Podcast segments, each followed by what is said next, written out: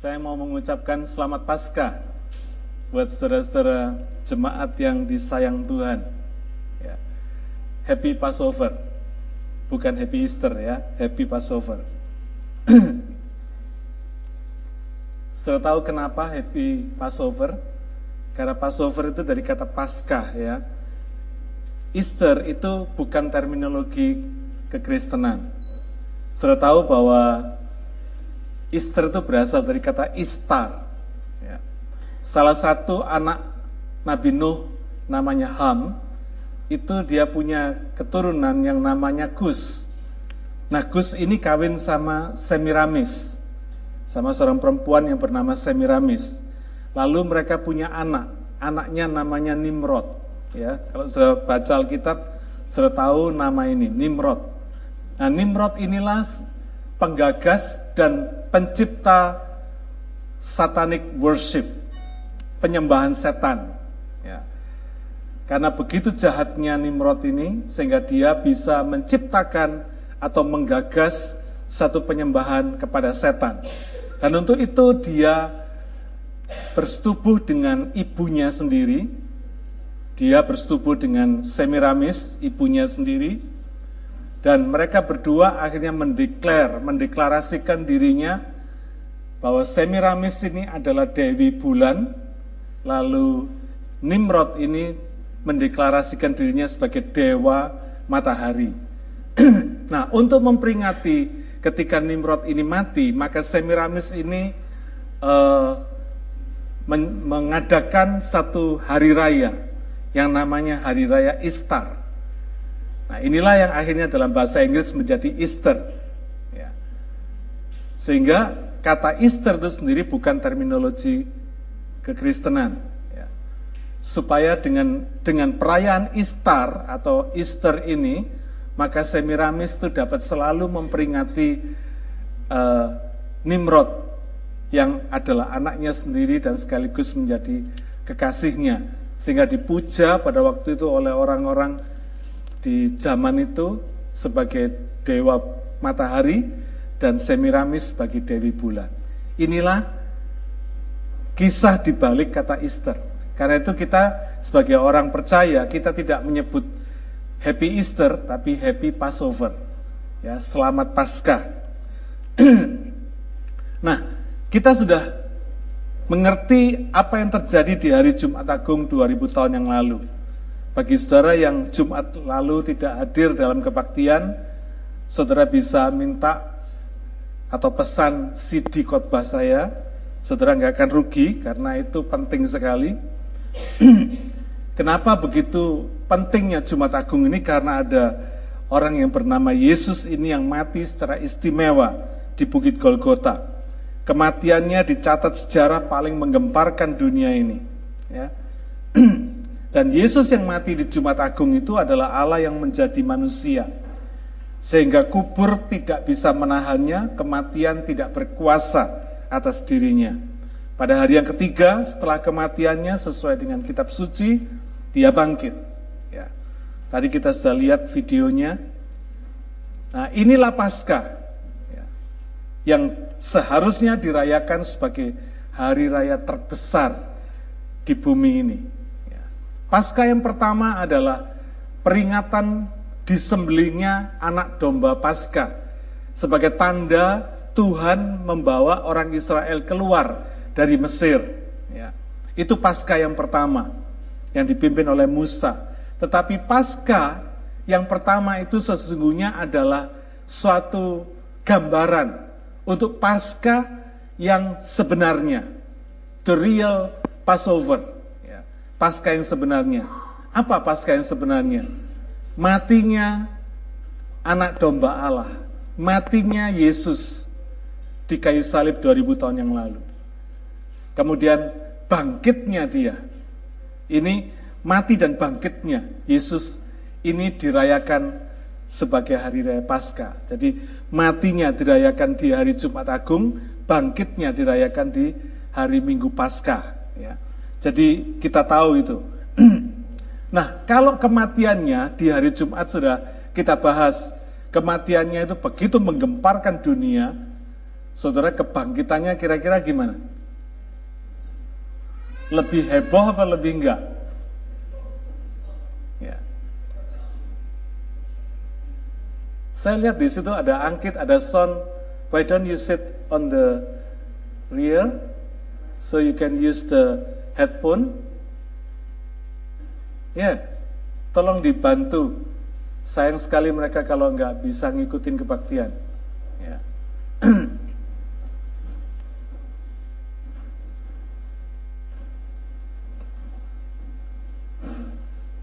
Thank you. Ya. Jadi kalau kematiannya di hari Jumat Agung itu kita sudah belajar hari Jumat yang lalu begitu menghebohkan, begitu dahsyat. Ada tiga peristiwa yang luar biasa. Maka kebangkitannya di minggu pasca ini lebih heboh lagi, saudara. Lebih dahsyat lagi.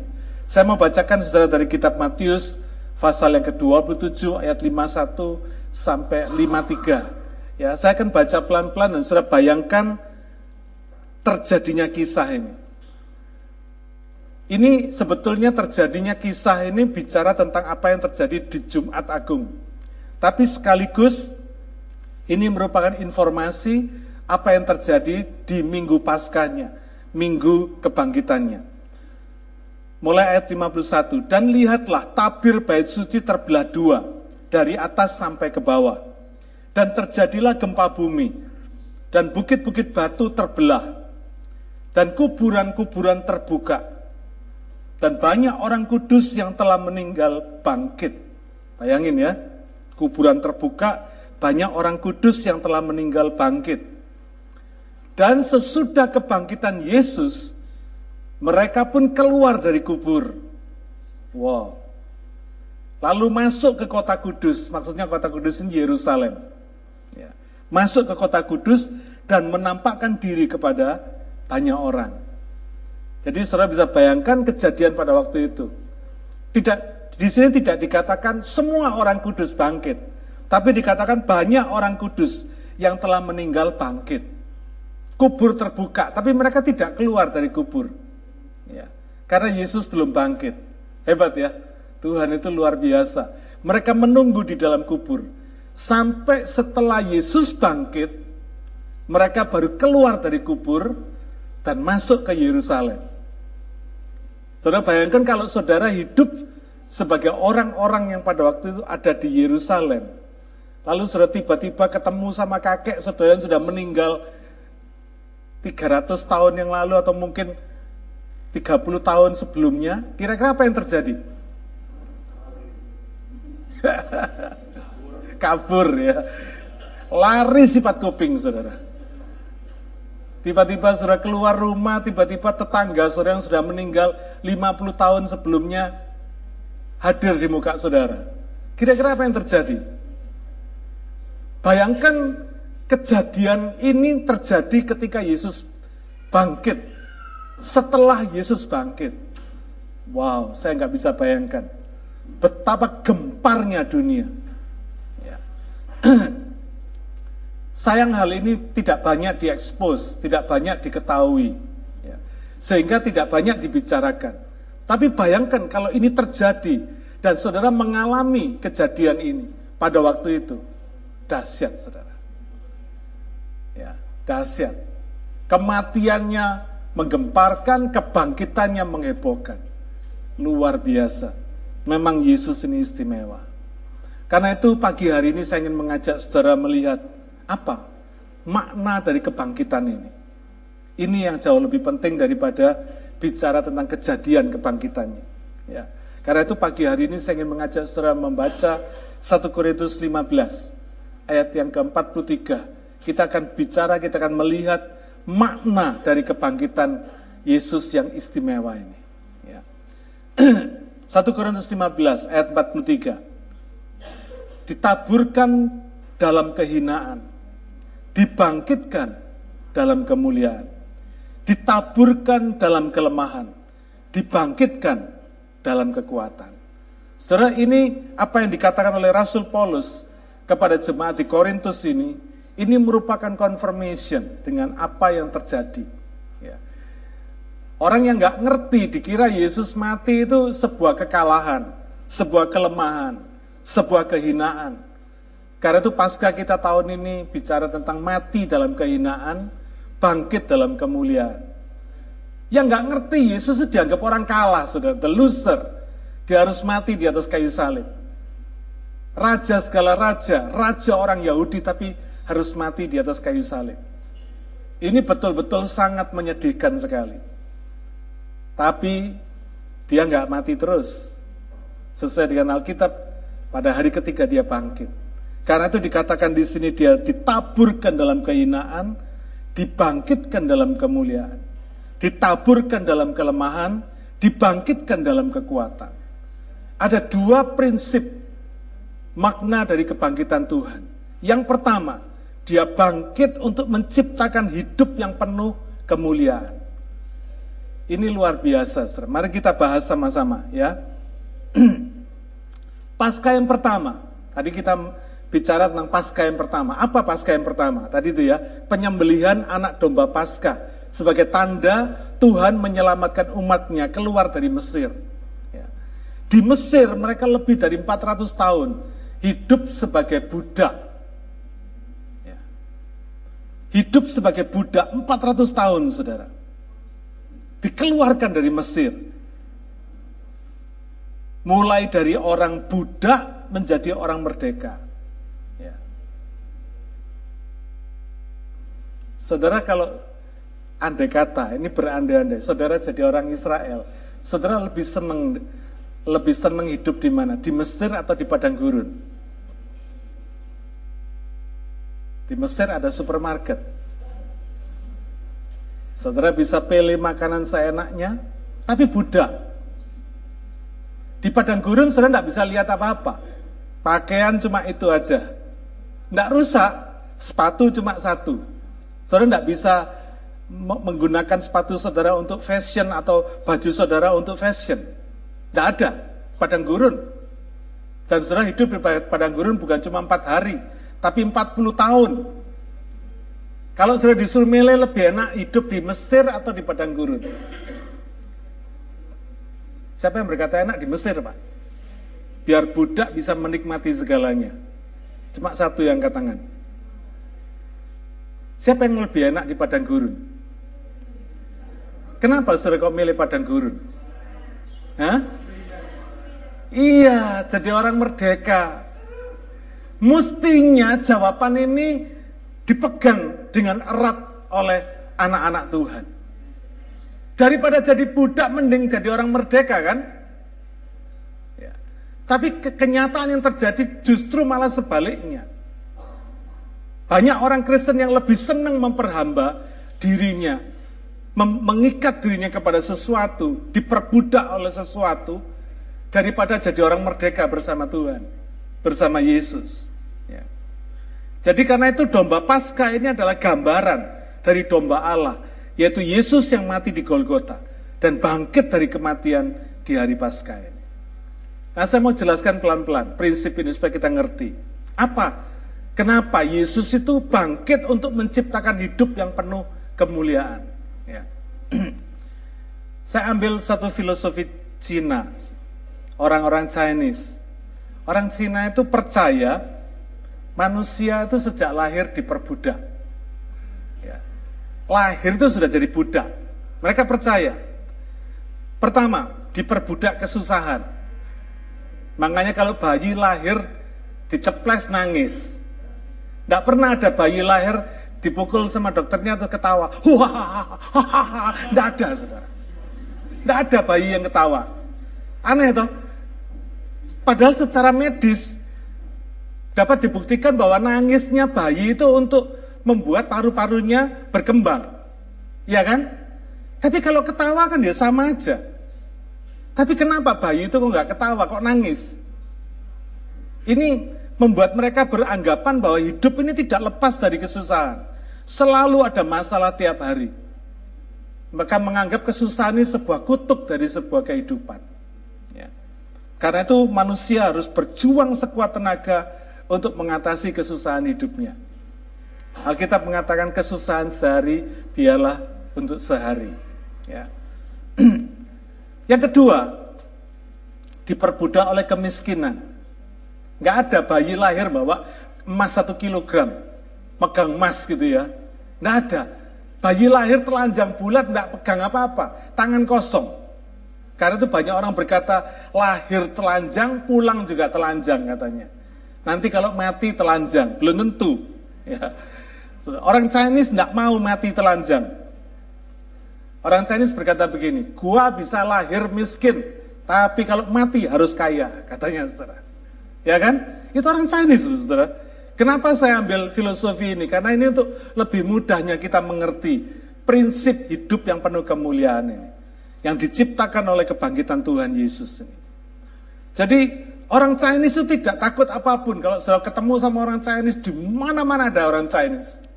Saya pernah masuk ke hutan belantara Irian yang paling dalam sekalipun. Ada orang Chinese di sana. Hebat orang Chinese ini. Ya, luar biasa. Saya tanya, kamu kok bisa hidup di sini? Oh, sudah lama Pak. Kami sekeluarga sudah ada di sini hampir ya kira-kira 30 tahun katanya. Hah? 30 tahun? Kenapa? Oh, nanti Bapak tahu sendiri katanya. Apa yang terjadi saudara? Orang Irian sana datang kalau mau beli kerupuk, bayarnya pakai emas. Emas butiran segini. Ya, namanya orang Chinese otaknya main. Katanya boleh ambil semua di toko ini. Pakai dua tangan. Bayangin saudara. Seberapa banyaknya dua tangan ini bisa ngambil barang di toko? Bayarnya pakai emas. Bukan pakai uang. Oh, orang Chinese itu, dari situ saya ngerti, oh pantesan, kerasan ini. 30 tahun di tempat hutan belantara seperti ini, kerasan dia. Mau di sana. Ya. Tidak ada satupun yang ditakuti sama orang Chinese kecuali satu, takut miskin. Saya pernah tanya sama mereka, karena saya pernah mengalami sesuatu kejadian yang tidak enak di Irian. Hampir mati di panah, panahnya beracun. Karena dianggap saya, saya nggak ngerti kalau ada ada perang suku antara suku yang satu dengan suku yang lain. Padahal jaraknya cuma 3 km, nggak mikir sama sekali. Bahkan pemandu saya pun juga tidak menguasai bahasa satu suku ini dan tidak tahu kalau terjadi perang suku. Ketika kami mau berjalan dari satu tempat ke tempat yang lain di tengah hutan tiba-tiba sekonyong-konyong dikepung sama orang-orang Irian ini dengan panah beracun yang sudah siap dilepaskan. Terus saya ngomong sama penterjemah saya, pemandu saya, ngomong oh kita ini mau melayani. Dia bilang, tidak bisa pak, bahasanya lain. Cuma beda 3 km bahasanya lain, saudara. Dan pemandu saya nggak bisa bahasanya orang ini, suku ini. Akhirnya saya pakai bahasa Tarsan. Berusaha menjelaskan saya begini, berdoa, tunjukkan kalung salib, bukakan Alkitab, mereka masih tetap begini terus. Dalam hati saya cuma satu dok, saya berdoa Tuhan jangan merucut ini. Kalau panah ini merucut jelek habis saudara. Karena saya tahu ujungnya itu kelihatan hijau-hijau itu itu apa e, racunnya ular kobra. Itu kalau jelek, nggak usah jelek saudara, gores sedikit aja saudara bisa masuk rumah sakit. Ya, ngeri banget. Saya di Kalimantan pernah digigit apa? Spider, gedenya segini, ya, bengkak. Nah kalau kena racun kobra ini, amblas. Jadi orang Chinese ini di, di tengah-tengah keadaan yang seperti itu sangat mengerikan. Mereka ada di sana. Kenapa? Bagi mereka cuancien. Duitnya banyak di sana. Bayangin orang beli pakai emas. Beli kerupuk pakai emas. Beli apa pun pakai emas.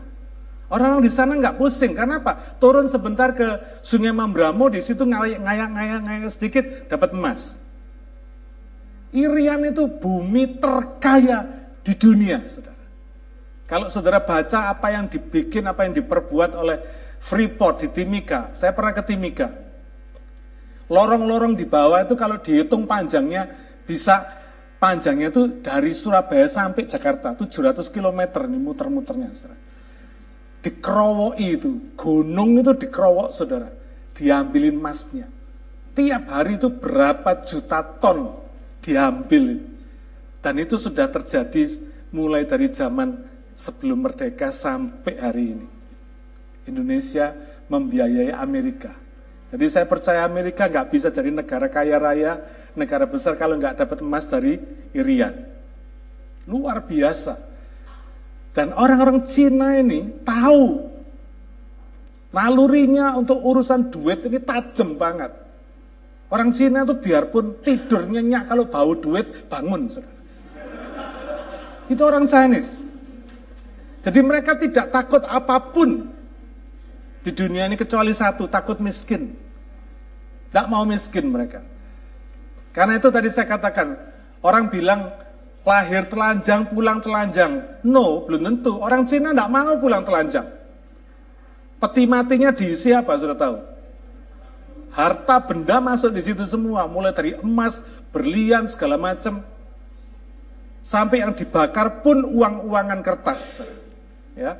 Orang Cina tidak mau tidak bisa lepas, tidak bisa jauh dari hartanya. Jadi kalau sudah tahu orang-orang Cina tidurnya di atas uangnya, jangan heran.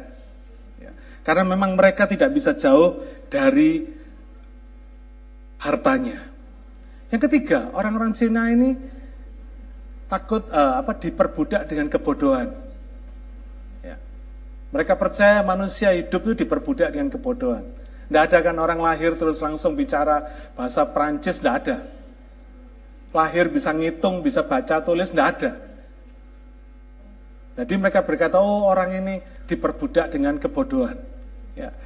Karena itu statistik dunia pada hari ini menyatakan Cina adalah negara satu-satunya di dunia yang paling banyak mengirim students ke luar negeri. 40 ribu students tiap tahun dikirim ke luar negeri untuk belajar. Ini hebatnya orang Cina, saudara. Ya. Dia tidak mau bodoh. Karena itu orang tua rela kerja mati-matian yang penting anaknya sekolah, anaknya belajar. Dan di dalam keluarga itu sudah sudah kayak ada hukum yang tidak tertulis. E, saudara yang paling besar harus berani berkorban Demi adik-adiknya sekolah, dia harus rela tidak sekolah. Harus kerja cari uang supaya adik-adiknya bisa sekolah. Karena ya ini, orang-orang Cina tidak mau diperbudak oleh kebodohan. Mereka tahu untuk mengalahkan kebodohan tidak ada lain belajar. Ya. Dan untuk belajar ini tergantung bukan pada yang ngajar. Saudara keliru. Seorang student yang belajar tergantung pada pelajarnya sendiri. Guru saudara pinter tidak menjamin saudara pinter. Demikian juga guru saudara bodoh tidak bikin saudara ikut bodoh. Ngerti nggak saudara? Ya. Jadi tergantung pada diri saudara sendiri. Jadi ketika saudara memutuskan untuk belajar, saudara harus memakai, menggunakan kemampuan saudara betul-betul untuk belajar. Karena kepandaian saudara tergantung pada keputusan saudara untuk belajar.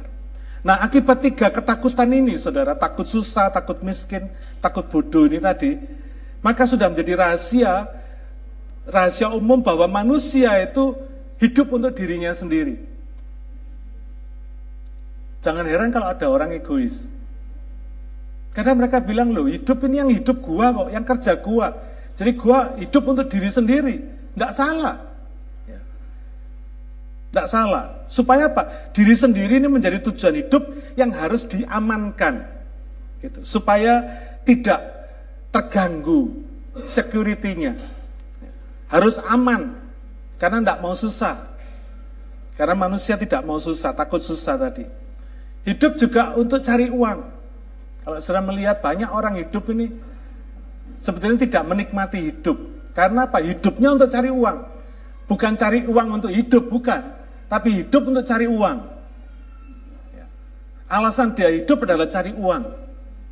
Makanya saudara jangan heran kalau orang tuh bisa kerja satu hari mau berapa puluh jam pun juga oke okay, gitu ya. Kalau bisa satu hari 30 jam juga masih oke okay, gitu. Karena apa? Mau cari uang. Hidupnya untuk cari uang. Untuk dirinya sendiri. Yang dikejar duit. Karena dianggap duit itu bisa menjamin hidup sehingga tidak miskin. Tadi itu ya, takut miskin tadi itu. Kemudian hidup orang-orang ini biasanya mengikuti pikirannya sendiri. Takut bodoh tadi itu, akibatnya orang-orang seperti ini, orang apalagi yang sudah belajar, itu menggunakan pikirannya sendiri. Sampai pikiran Tuhan pun yang ada di Alkitab nggak dipercaya. Karena mereka lebih percaya pikirannya sendiri. Ya. Takut bodoh dari itu. Ini fenomena yang terjadi pada manusia pada umumnya. Jadi, nah orang yang hidupnya untuk diri sendiri seperti ini, menarik enggak? Enggak menarik. Karena semua orang melakukan hal yang sama. Ya. Tidak ada yang mulia, tidak ada yang mengagumkan. Karena sama sekali tidak menarik. Semua orang hidup untuk dirinya sendiri. Ya. Meskipun sudah senior, sudah punya pengalaman asam garam, sudah punya harta yang banyak sekalipun, karena dia hidup untuk diri sendiri, dia tidak pernah berjasa terhadap orang lain. Dia tidak punya kontribusi, tidak punya investasi moral di dalam hidup orang lain. Tidak ada jejak investasinya. Orang-orang seperti ini kaya tapi dibenci orang saking pelitnya. Ya. Pinter tapi nggak dihormati, nggak direspek orang. Karena apa? Kepinterannya nggak mau dibagi kepada orang lain. Ada nggak di sini? Ibu-ibu yang kalau ditanya, Bu ini resepnya apa? Oh secret. Ada nggak? Banyak ya? Banyak, saudara. Ini termasuk kelompok seperti ini. Kasihan delu, gitu kira-kira saudara ya. Kepintarannya tidak dibagi untuk memajukan orang lain. Nah orang-orang yang hidup seperti ini kesepian, saudara, lonely. Tidak punya teman. Siapa di sini yang tidak punya teman? Lo ada banyak loh orang tidak punya teman. Ada yang punya kebanyakan teman ada. Ada yang tidak punya teman. Kasihan orang-orang seperti ini, lonely, kesepian. Tidak punya teman, tidak ada yang merindukan. Yang dirindukan banyak, tapi tidak ada yang merindukan, gitu ya. Kasihan orang-orang ini, saudara.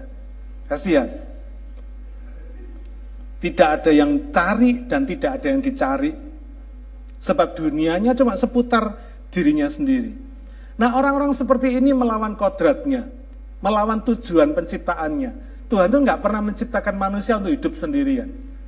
Tuhan itu menciptakan manusia untuk hidup sebagai makhluk sosial. Hidup bersama orang lain. Ya. Ini orang seperti ini adalah orang yang hidup untuk dirinya sendiri. Hadiah Nobel tidak pernah dikasihkan sama orang yang hidup untuk dirinya sendiri.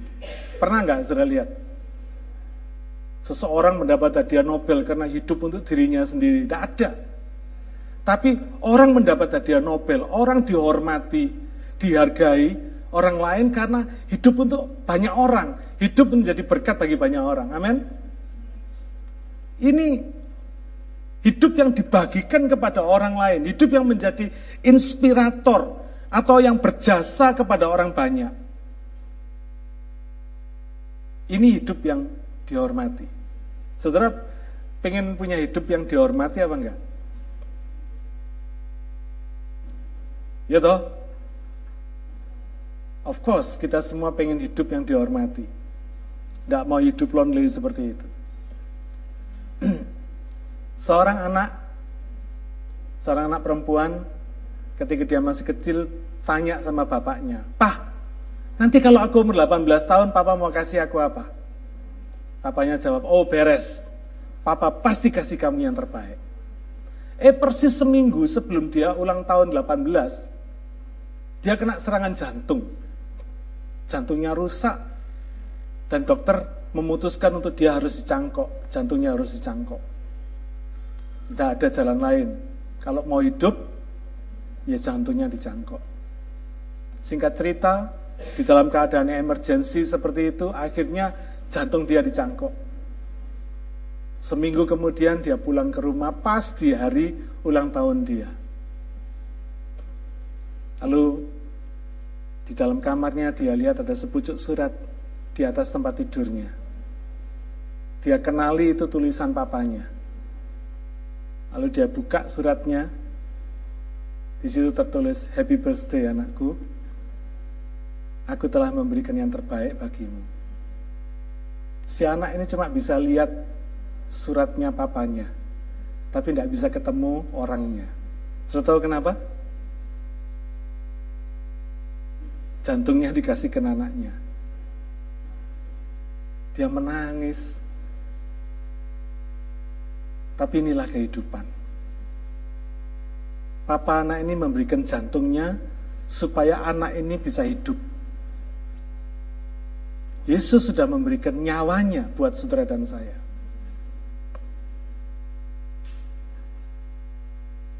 Hidupnya diberikan, nyawanya diberikan mati di kayu salib buat saudara dan saya. Pertanyaannya sekarang, lah saudara kasih apa sama Tuhan? Apakah saudara kasih waktu buat Tuhan? Bagus. Sudah kasih waktu, lumayan tuh daripada enggak sama sekali. Kasih duit, persembahan sama Tuhan, bagus kasih perpuluhan, kasih persembahan, bagus. Kasih tenaga untuk melayani Tuhan, bagus. Tapi cukup enggak? Enggak cukup. Enggak imbang, betul enggak? Tuhan mati ngasihkan nyawanya, ngasihkan hidupnya buat saudara dan saya supaya kita semua bisa hidup kekal. Kalau kita balesnya cuma ngasih duit, ngasih waktu, ngasih tenaga, imbang enggak? Nggak imbang, nggak fair, nggak adil. Jadi dengan kata lain, kalau hidup saudara dan saya sudah dibeli sama Tuhan di atas kayu salib oleh nyawanya sendiri, oleh tubuhnya, oleh hidupnya Yesus sendiri, mestinya orang percaya itu memberikan seluruh kehidupannya kepada Tuhan. Baru fair toh? Karena hidupnya sudah dibeli sama Tuhan. Hidup saudara dan saya hari ini bukan milik kita sendiri. Galatia pasal 2 berkata, hidupku bukannya aku lagi, tapi Kristus yang ada di dalam aku. Karena hidup yang kuhidupi sekarang dalam daging adalah hidup untuk anak Allah yang sudah mengasihi aku. Jadi saudara harus ngerti bahwa hidup saudara dan saya hari ini, kalau kita masih punya napas, punya jantung, punya paru-paru, masih bisa bekerja, masih hidup hari ini, itu bukan milik saudara bukan milik saudara. Bukan milik kita. Hidup kita ini miliknya Yesus, miliknya Tuhan. Tidak cukup kita cuma memberi waktu, tenaga, uang kita untuk dipersembahkan kepada Tuhan. Tidak cukup. Yang betul, yang seharusnya kita memberikan hidup kita seluruhnya untuk Tuhan. Kalau saya ngomong gini bukan berarti saya suruh saudara jadi pendeta semua, enggak. Atau sudah melayani Tuhan full time semua, enggak.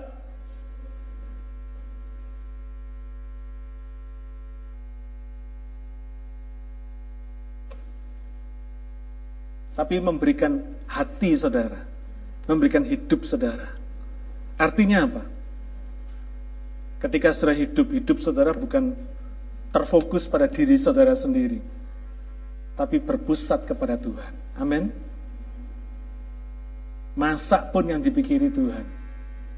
Kerja pun yang dipikiri Tuhan. Hidup merasa ngerti betul bahwa hidup ini miliknya Tuhan. Hidup ini yang harus dipertanggungjawabkan kepada Tuhan. Kalau saudara ngerti prinsip ini, hidup saudara itu hidup yang mulia, Nobel. Hidup yang dihormati orang banyak.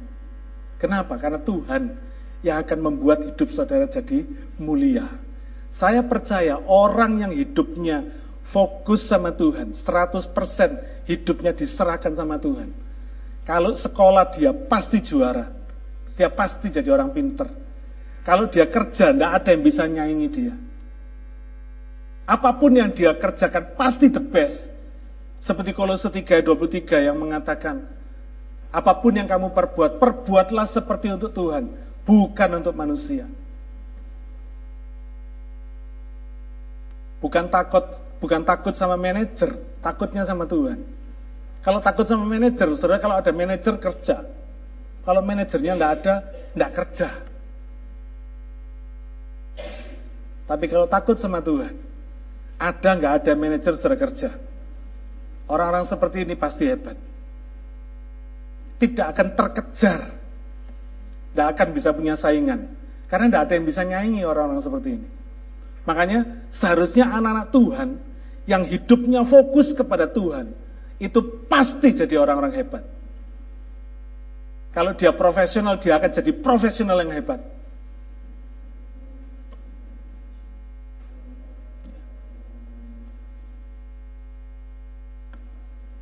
Rasul Paulus mengatakan di Filipi 1 ayat 21, karena bagiku hidup adalah Kristus dan mati adalah keuntungan. Luar biasa, saudara. Artinya apa? Hidup adalah Kristus. Hidup yang berpusat kepada Kristus. Hidup yang meneladani hidupnya Tuhan. Kalau Tuhan Yesus sudah memberikan hidupnya untuk orang lain, untuk saudara dan saya, kenapa kita nggak berani memberikan hidup kita berkorban untuk orang lain? Semangat berkorban itu harus dimiliki oleh setiap anak Tuhan. Itu yang akan membedakan kita dengan orang dunia. Itu yang akan membuat hidup kekristenan kita itu menarik. Kalau enggak sami mawon seperti orang dunia, enggak ada bedanya kita. Orang dunia akan berkata, oh gua juga gitu, lu juga gitu. Hei sami mawon, kita hopeng ya. Saudara, enggak ada bedanya. Dan kalau kita mati, kenapa dikatakan di sini mati adalah keuntungan? Terus kita profitnya apa? Orang-orang seperti ini kalau mati terus dapat profit apa? Hidup berkorban untuk orang lain, hidup betul-betul memuliakan Tuhan, fokusnya sama Tuhan. Lah kalau mati profitnya apa? Tidak bawa apa-apa. Keliru. Orang-orang yang seperti ini tadi saya katakan, hidupnya itu pasti menarik, saudara. Betul? Orang seperti ini hidupnya pasti menarik. Saudara nggak usah bilang, eh lu ikut gua ya, contohin gua ya. Nggak usah gitu, tapi orang akan berpikir, gua mau jadi seperti dia. Gua mau ikut seperti dia. Gua kepingin hidup gua seperti dia. Tangkap gak saudara? Artinya apa? Ketika kita mati, apa yang kita lanjutkan ini nanti akan banyak orang dari generasi-generasi yang sudah menjadi ber, apa yang sudah sudah menerima berkat dari kita itu akan melanjutkan pelayanan kita. Amin. Melanjutkan apa yang kita sudah lakukan karena mereka kepingin jadi seperti kita, kepingin mengikuti langkah kita, mengikuti teladan kita. Satu hari ketika saya mengikuti leadership di Korea, Tiba-tiba ada seorang wanita yang duduk jongkok di muka saya, nyikat sepatu saya. Saya bilang, oh jangan-jangan. Tapi saya tidak bisa ngomong bahasa Korea, bahasa Tansanan. Tapi dia tidak ngerti. Dia tidak ngerti Inggris, saya tidak ngerti bahasa Korea. Tapi dia sikat, dia pegangi kaki saya, dia sikat. Dia bersihkan sepatu saya. Lalu ada seorang ngeliat saya pakai bahasa Tarsan yang tidak dimengerti, Orang ini datang pada saya, kasih tahu saya. Dia ngomong bahasa Inggris sama saya, ngasih tahu orang ini profesor doktor. Karena dia tahu saya hamba Tuhan. Dia ingin menghormati hamba Tuhan. Dan dia melakukan itu. Lalu saya ngomong sama penterjemah saya, saya bilang gini, kasih tahu dia, hidup dia ini menarik ini merupakan penginjilan yang paling efektif. Kenapa sih orang dunia ini nggak mau dengerin penginjilan kita?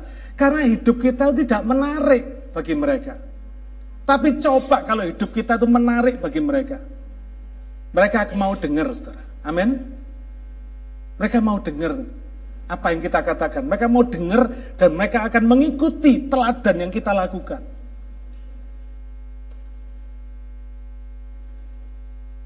Maka seharusnya kita itu menjadi orang yang menarik. Nah, orang-orang seperti ini adalah orang-orang yang memuliakan Tuhan. Orang-orang yang di mana Tuhan itu sudah bangkit untuk menciptakan hidup yang penuh kemuliaan seperti ini. Ketika sepatu saya selesai disikat, dibersihkan, disemir, saya kagum betul. Dalam hati saya ngerti, oh pantesan kenapa gereja Korea ini dulu mulainya cuma punya 5% orang Kristen sekarang penduduk Korea lebih dari 35% orang Kristen. Kenapa? Karena berhasil memenangkan bangsa Korea melalui kehidupan yang menarik seperti ini, saudara. Orang akan tertarik ikut iman yang kita miliki. Amin. Pagi hari ini saya berdoa agar supaya khotbah pagi hari ini merubah kita semua. Kita tahu bahwa Yesus itu bangkit untuk membuat hidup saudara dan saya ini penuh kemuliaan. Hidup yang menarik, hidup yang mampu membuat perubahan dan mempengaruhi menjadi people of influence bagi orang lain yang ada di sekitar kita. Kalau hidup saudara sama keluarga aja tidak disenangi, bagaimana saudara mau bersaksi sama tetangga saudara? Nah mungkin. Pasti ada something wrong yang mesti diperbaiki. Lah kita tuh harus berani memperbaiki diri. Harus berani jujur terhadap diri kita sendiri apa yang kurang dan itu yang diperbaiki. Jangan merasa benar terus. Hidup yang cuma merasa benar terus, itu nanti menganggap orang lain ini salah semua. Saudara. Yang benar cuma diri kita sendiri. Nah hidup yang seperti ini tidak bisa jadi berkat. Tidak bakal bisa jadi kemuliaan. Tidak bakal dipenuhi kemuliaan Tuhan. Tapi hidup yang terbuka, hidup yang berani jujur di hadapan Tuhan dan di hadapan manusia. Tentang apa yang kurang, apa yang yang salah dari diri kita sendiri. Ini akan membuat orang lain respect sama kita. Jangan takut mengaku salah. Jangan takut minta maaf kalau memang kita salah. Betul? Ini yang membuat orang tuh respect sama kita. Jangan terus dipikir gini, wah nanti kalau gue minta maaf gue dihina. Siapa bilang? Kalau orang melihat kejujuran kita dan gentleman kita, orang akan respect sama kita. Saudara. Tapi kalau kita ini sudah salah, merasa benar, terus ngotot terus, orang kira-kira tambah respect atau tambah enggak? Enggak respect sama sekali. Amin? Karena itu hidup yang penuh kemuliaan yang diciptakan Tuhan oleh kebangkitan Tuhan Yesus ini jangan bikin hidup kita sia-sia. Kalau sampai kebangkitannya untuk menciptakan hidup yang penuh kemuliaan ini tidak menjadikan hidup kita mulia, nobel, penuh penuh kemuliaan oleh karena kebangkitan Tuhan ini, kita rugi sendiri. Kita mendapat advantage dari kebangkitan Tuhan apa enggak? Tuhan tetap bangkit, betul enggak? Rugi, siapa yang rugi? Kita sendiri.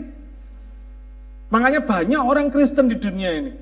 Dua per tiga dunia ini orang Kristen.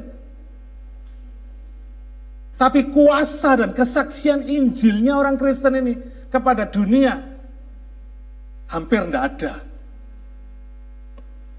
Kemarin saya baca informasi agama yang paling cepat tumbuh di dunia ini apa? Islam. Pertumbuhannya luar biasa. Bahkan dikatakan hari ini kemungkinan besar dan mungkin itu betul. Sudah 50% penduduk dunia ini jadi muslim. Kenapa? Karena kehidupan orang-orang percaya kehidupan anak-anak Tuhan sendiri tidak bisa jadi kehidupan yang nobel, yang penuh kemuliaan.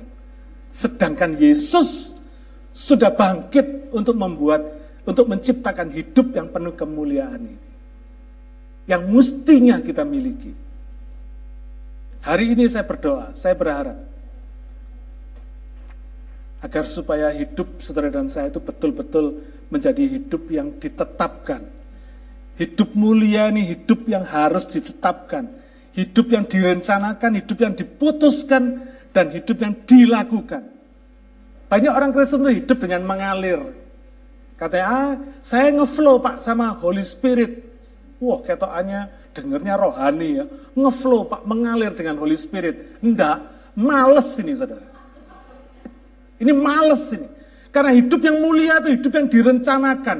Hidup yang dipikirkan, hidup yang diputuskan, dan hidup yang dilakukan betul-betul.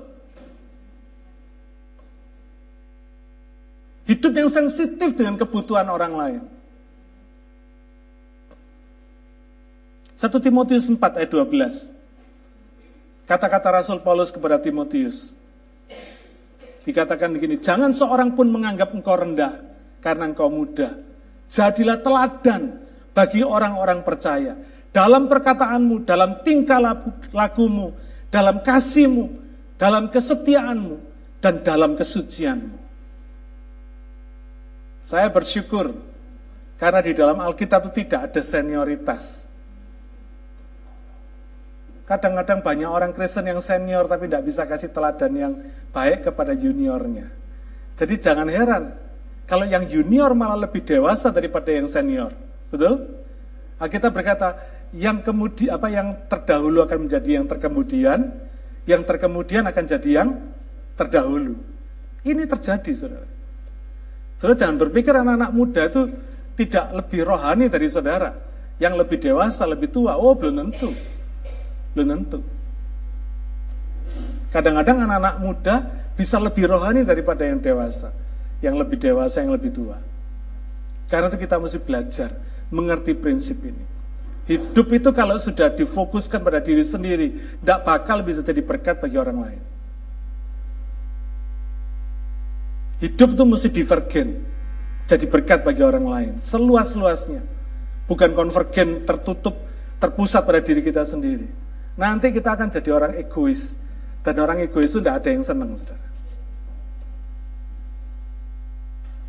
Punya dimakan sendiri. Kalau perlu, makan makanannya orang lain. Punyanya sendiri disimpan. Orang begini menarik, enggak. Bukan tidak punya duit buat beli, punya. Tapi ada orang-orang Kristen yang punya karakter seperti ini. Ada. Dan ini tidak bisa memuliakan Tuhan. Mestinya di hidupnya dia bisa jadi mulia oleh karena kebangkitan Tuhan Yesus. Tapi karena dia tidak mau berubah, tidak mau mengubah dirinya sendiri. Ya jangan pernah berharap dia bisa mengubah orang di sekitarnya.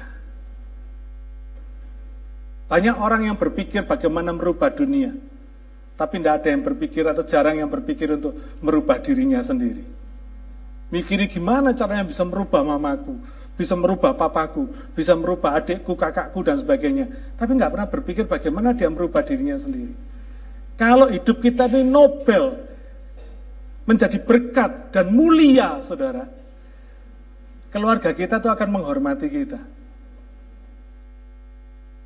Orang terdekat yang tahu keadaan kita akan menghormati kita.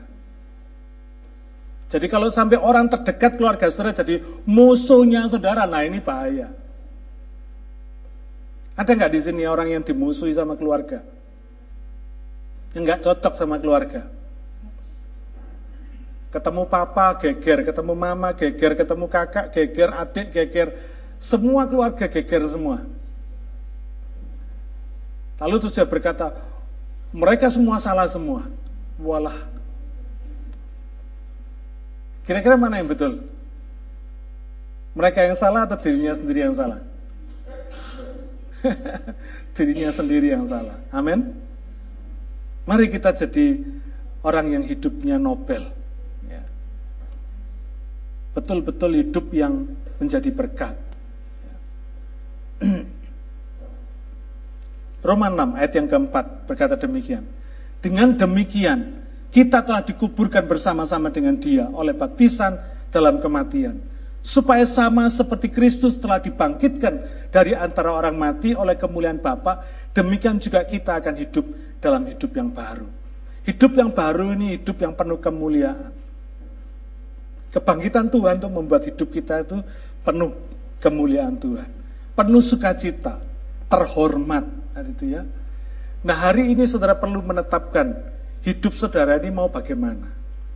Hidup saudara ini mau menjad, dijadikan satu hidup yang nobel, yang terhormat. Kalau mau hidup mati kita penuh kemuliaan ya marilah kita hidup seperti Tuhan Yesus. Amin. Meskipun kita nggak bisa persis kayak Tuhan, tapi biarlah karakter kita mirip Tuhan Yesus. Dan saya percaya kalau karakter kita mirip Tuhan Yesus, wow, hidup kita ini dahsyat, saudara. Jadi berkat di mana-mana. Saudara akan dirindukan oleh banyak orang. Seminggu aja saudara nggak nongol, mereka berkata, di mana ya Luke ini ya? Kok nggak kelihatan? Di mana ini? Dicari sama orang, dirindukan oleh orang. Tapi kalau hidup kita nggak nobel, orang ketemu kita juga lari, saudara. Nggak mau. Ya. Sekarang saya mau ngetes, saudara. Tuhan Yesus lahir ke dunia ini untuk mati atau untuk hidup? Siapa yang berkata untuk mati, Pak? Born to die. Siapa? Satu, dua, tiga, Siapa yang berkata born to live? Imbang. Lang, yang lainnya boh gitu ya. Netral. Tuhan hidup di dunia ini, lahir di dunia ini untuk mati juga untuk hidup. Saudara ingat ya, peristiwa hari Jumat yang lalu yang saya khotbahkan. Waktu matinya Yesus, kepala pasukan dia berkata apa? Oh dia ini betul-betul anak Allah. Betul-betul orang benar. Ya kan? Jadi matinya pun jadi berkat. Kematiannya mengubah hidup seseorang. Dan saya percaya yang diceritakan di Alkitab cuma kepala pasukan Romawi aja. Tapi saya percaya kematiannya mengubah lebih banyak orang. Bukan cuma kepala pasukan toh. Kalau gitu apakah kematiannya lebih penting daripada kehidupannya? Tidak. Mati hidupnya dua-dua penting. Kematiannya jadi berkat, hidupnya pun jadi berkat. Ketika dia hidup, ketika dia bangkit, dia jadi berkat. Karena hidupnya itu hidup yang jadi berkat, hidup yang memberi, hidup yang dibagi. Betapa sering kali kita tuh pelit untuk membagi kehidupan kita ini membagi fasilitas kehidupan kita. Kalau saudara dikasih mobil dengan kapasitas tempat duduk yang banyak, artinya apa saudara? Padahal keluarga saudara cuma empat, tapi fasilitasnya saudara delapan. Artinya apa? Tuhan memberikan empat ini spare untuk saudara membagi kepada orang lain. Amin. Siapa di sini yang menawarkan mobilnya untuk untuk jemputi jemaat yang lain? Ada nggak? ada ya? ya? Saya tahu ada beberapa orang. Kenapa sering kali kita nggak nggak berani membagi? Meskipun kita masih punya fasilitas, masih punya kapasitas, masih spare, masih ada. Kenapa? Karena kita nggak mau repot. Karena kita males jemputin orang. Nah kadang-kadang yang dijemput pun juga nggak tahu diri. Udah tahu dijemput, udah tahu nunut, masih paesan, saudara. Ini repot ini. Ya. Hari ini marilah kita buat hidup kita, mati hidup kita itu memuliakan dia. Kematiannya membuat hukuman dosa kita lunas, dosa kita diampuni, kehidupannya, kebangkitannya membuat kita ini punya pengharapan. Kalau Yesus nggak bangkit, pengharapan kita ini zero, big zero, saudara. Karena menunjukkan Yesus bukan Tuhan. Nah urusan Yesus Tuhan inilah yang jadi persoalan. Tapi kita semua percaya bahwa Yesus itu bangkit. Amin. Kita nggak ada masalah lagi sama Yesus. itu bangkit karena kita percaya iman kita mengatakan seperti itu. Tapi banyak orang yang tidak percaya Yesus itu bangkit. Bahkan banyak mereka berkata, oh Yesus itu tidak mati, tidak mati di salib, disamarkan orang lain yang mati di salib dan sebagainya. Saya nggak peduli, karena kita semua percaya Yesus itu mati. Karena dia mati, dia bangkit. Amin. Kalau dia katanya ada yang berkata, oh Yesus itu tidak mati, setengah mati.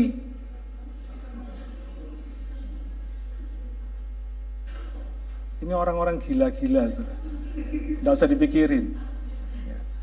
Yang penting kita percaya Yesus mati. Karena kita berkata Yesus mati. Amin.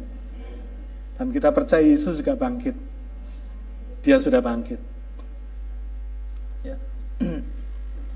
Dan orang yang bisa membagi hidup dengan orang lain itu hidup yang paling sukacita. Sebab memberi itu lebih sukacita daripada yang diberi.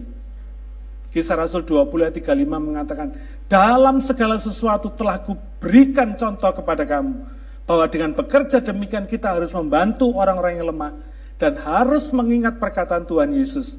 Sebab ia sendiri telah mengatakan, adalah lebih berbahagia memberi daripada menerima. Saudara, orang yang membagi, orang yang memberi itu lebih sukacita loh daripada yang menerima. Siapa yang percaya? Iya, yang tidak angkat tangan mungkin nggak pernah memberi. Karena nggak pernah punya pengalaman. Tapi yang suka memberi, yang hidupnya suka berbagi pada orang lain, itu dia bisa ngerasain sendiri. Ketika dia memberi, dia tuh lebih suka cita, lebih happy daripada yang diberi, saudara. Ya. Karena saudara terus membagi, setiap hari hidup saudara itu terus dibagi pada orang lain. Akhirnya sukacita ini mengalir terus. Alkitab mengatakan sukacita kita itu seperti air kehidupan yang mengalir dari dalam keluar. Happy terus. Hidup ini happy terus, saudara. Ya. Ada banyak orang yang duitnya banyak tapi tidak happy. Kita mungkin duitnya biasa-biasa tapi happy. Kita punya 10, kita bisa menikmati 10. Kita punya 100, kita bisa menikmati 100. Ada banyak orang yang punya satu triliun cuma bisa nikmati seratus. Rugi, saudara. Susah payahnya cari uang nabung sampai punya satu triliun tapi yang bisa dinikmati cuma seratus. Cuma seratus juta, kira-kira gitu. Rugi enggak? Rugi. Sipun ini kalau orang orang Jerman bilang. Modalnya menghimpun 100 sampai satu triliun. Tapi yang bisa dinikmati cuma 100 juta. Lah apa bedanya dengan orang yang punya 100 juta tapi bisa menikmati 100 juta?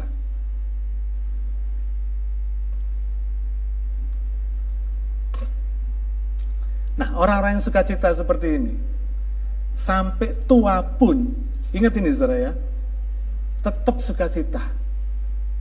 Tidak akan mereka merasa tua. Karena tua itu keputusan saudara. Merasa tua itu keputusan saudara. Karena orang-orang yang bersuka cita seperti ini, dia akan sampai tua, sampai kapan pun umurnya, dia tetap suka cita. Kita memang belum masuk surga, tapi suasana surganya sudah bisa dinikmati. Bagaimana caranya? Sukacita tadi, saudara. Sukacita ini suasana surga, miliknya surga. Tidak ada dunia ini punya sukacita. Dunia ini cuma punya sukacita sementara, tapi sukacita yang kekal, sukacita yang terus menerus mengalir seperti aliran-aliran air hidup, itu yang punya cuma surga.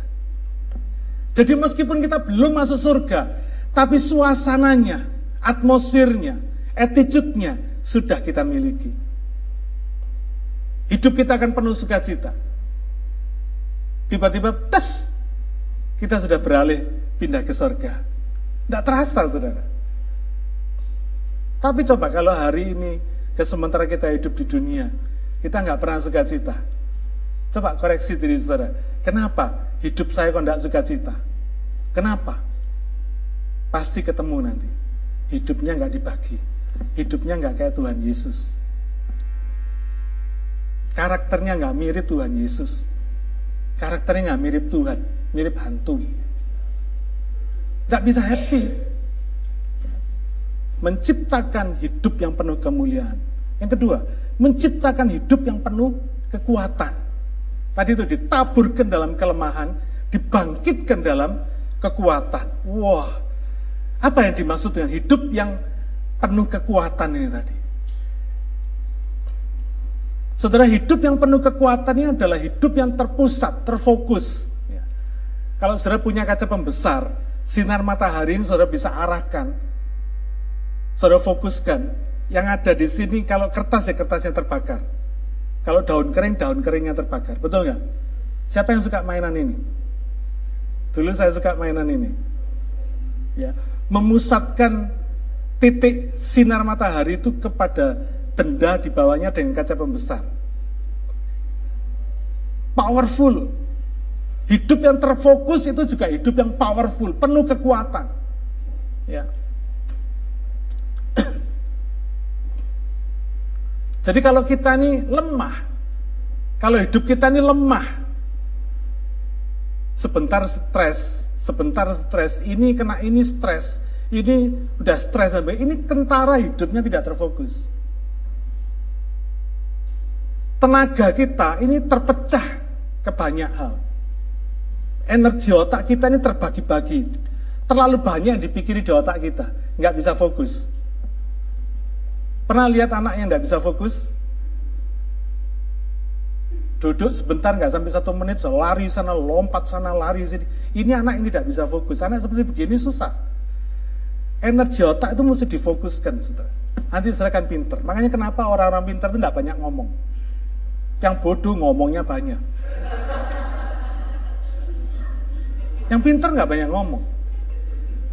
Dia banyak mikir.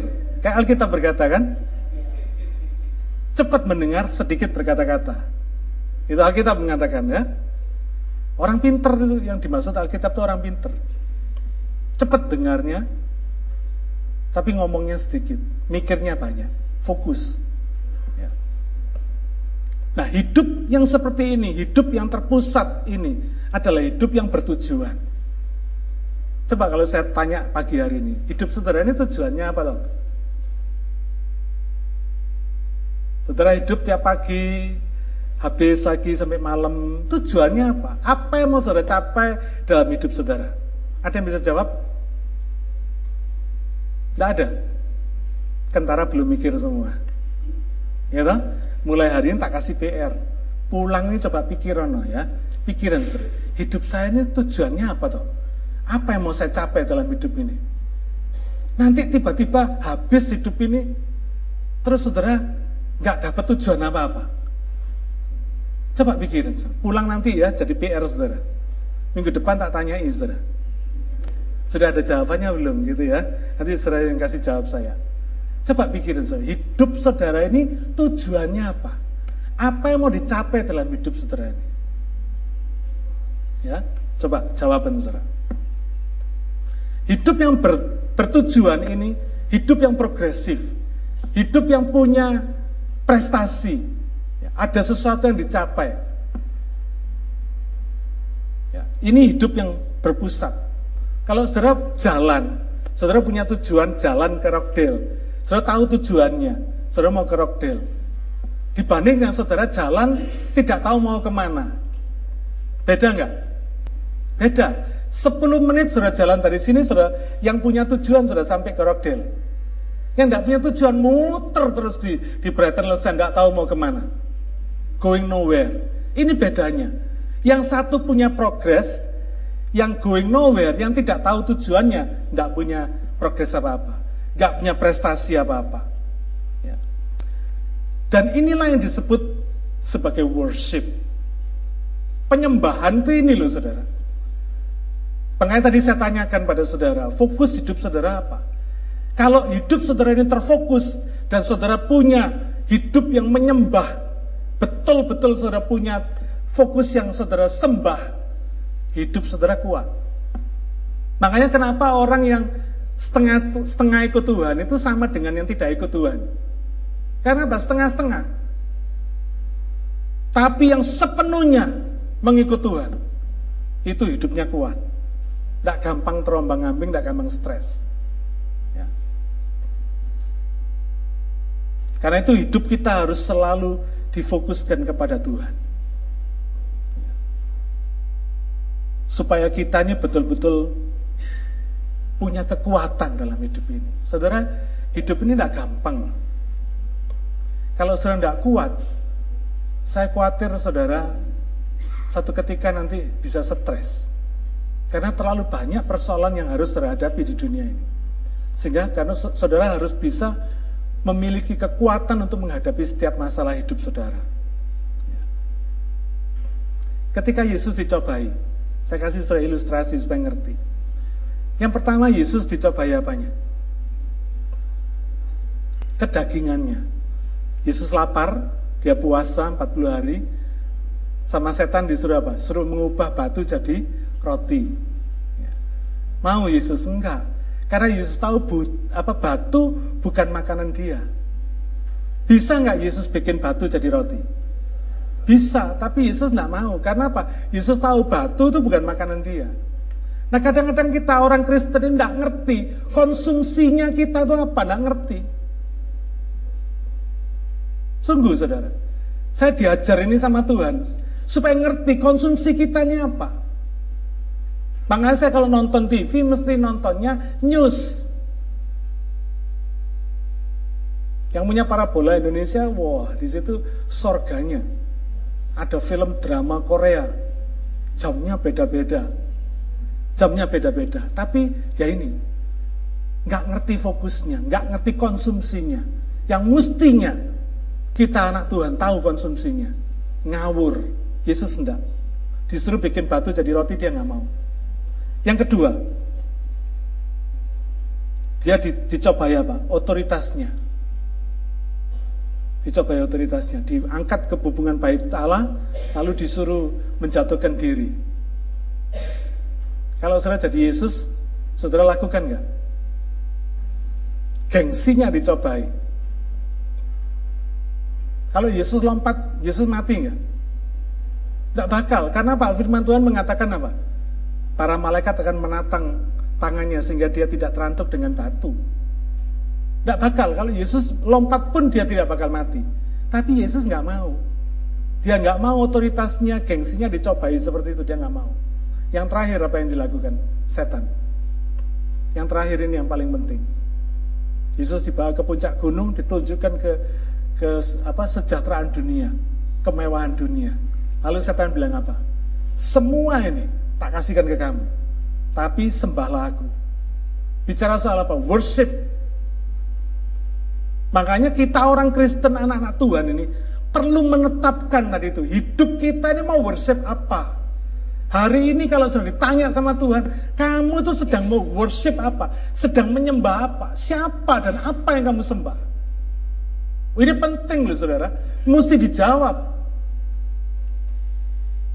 Kenapa banyak orang orang Kristen hidup orang percaya tidak kuat? Karena apa? Karena tidak jelas yang disembah ini siapa.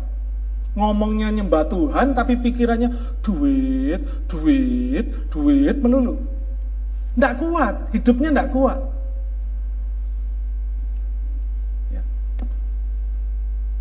Setan tahu bahwa worship ini merupakan pusat kekuatan kita. Kalau saudara worship Tuhan, oh, hidup saudara akan kuat, teguh, tidak gampang goyang, tak gampang terombang ambing. Karena siapa yang kita worship itulah yang memerintah kehidupan kita. Siapa yang menguasai hati dan pikiran kita itulah yang kita sembah. Coba saudara periksa, bangun pagi yang ada, yang muncul nomor satu di pikiran saudara apa? Mau tidur yang mengganggu pikiran saudara sehingga saudara nggak bisa tidur apa? Nah itulah yang saudara worship. Itulah yang saudara sembah. Kalau bangun tidur yang keluar pacar, mau pulang mau tidur yang keluar pacar lagi. Berarti pacar saudara yang saudara sembah. Hati-hati. Saya ingin mengajak saudara melihat satu video ini.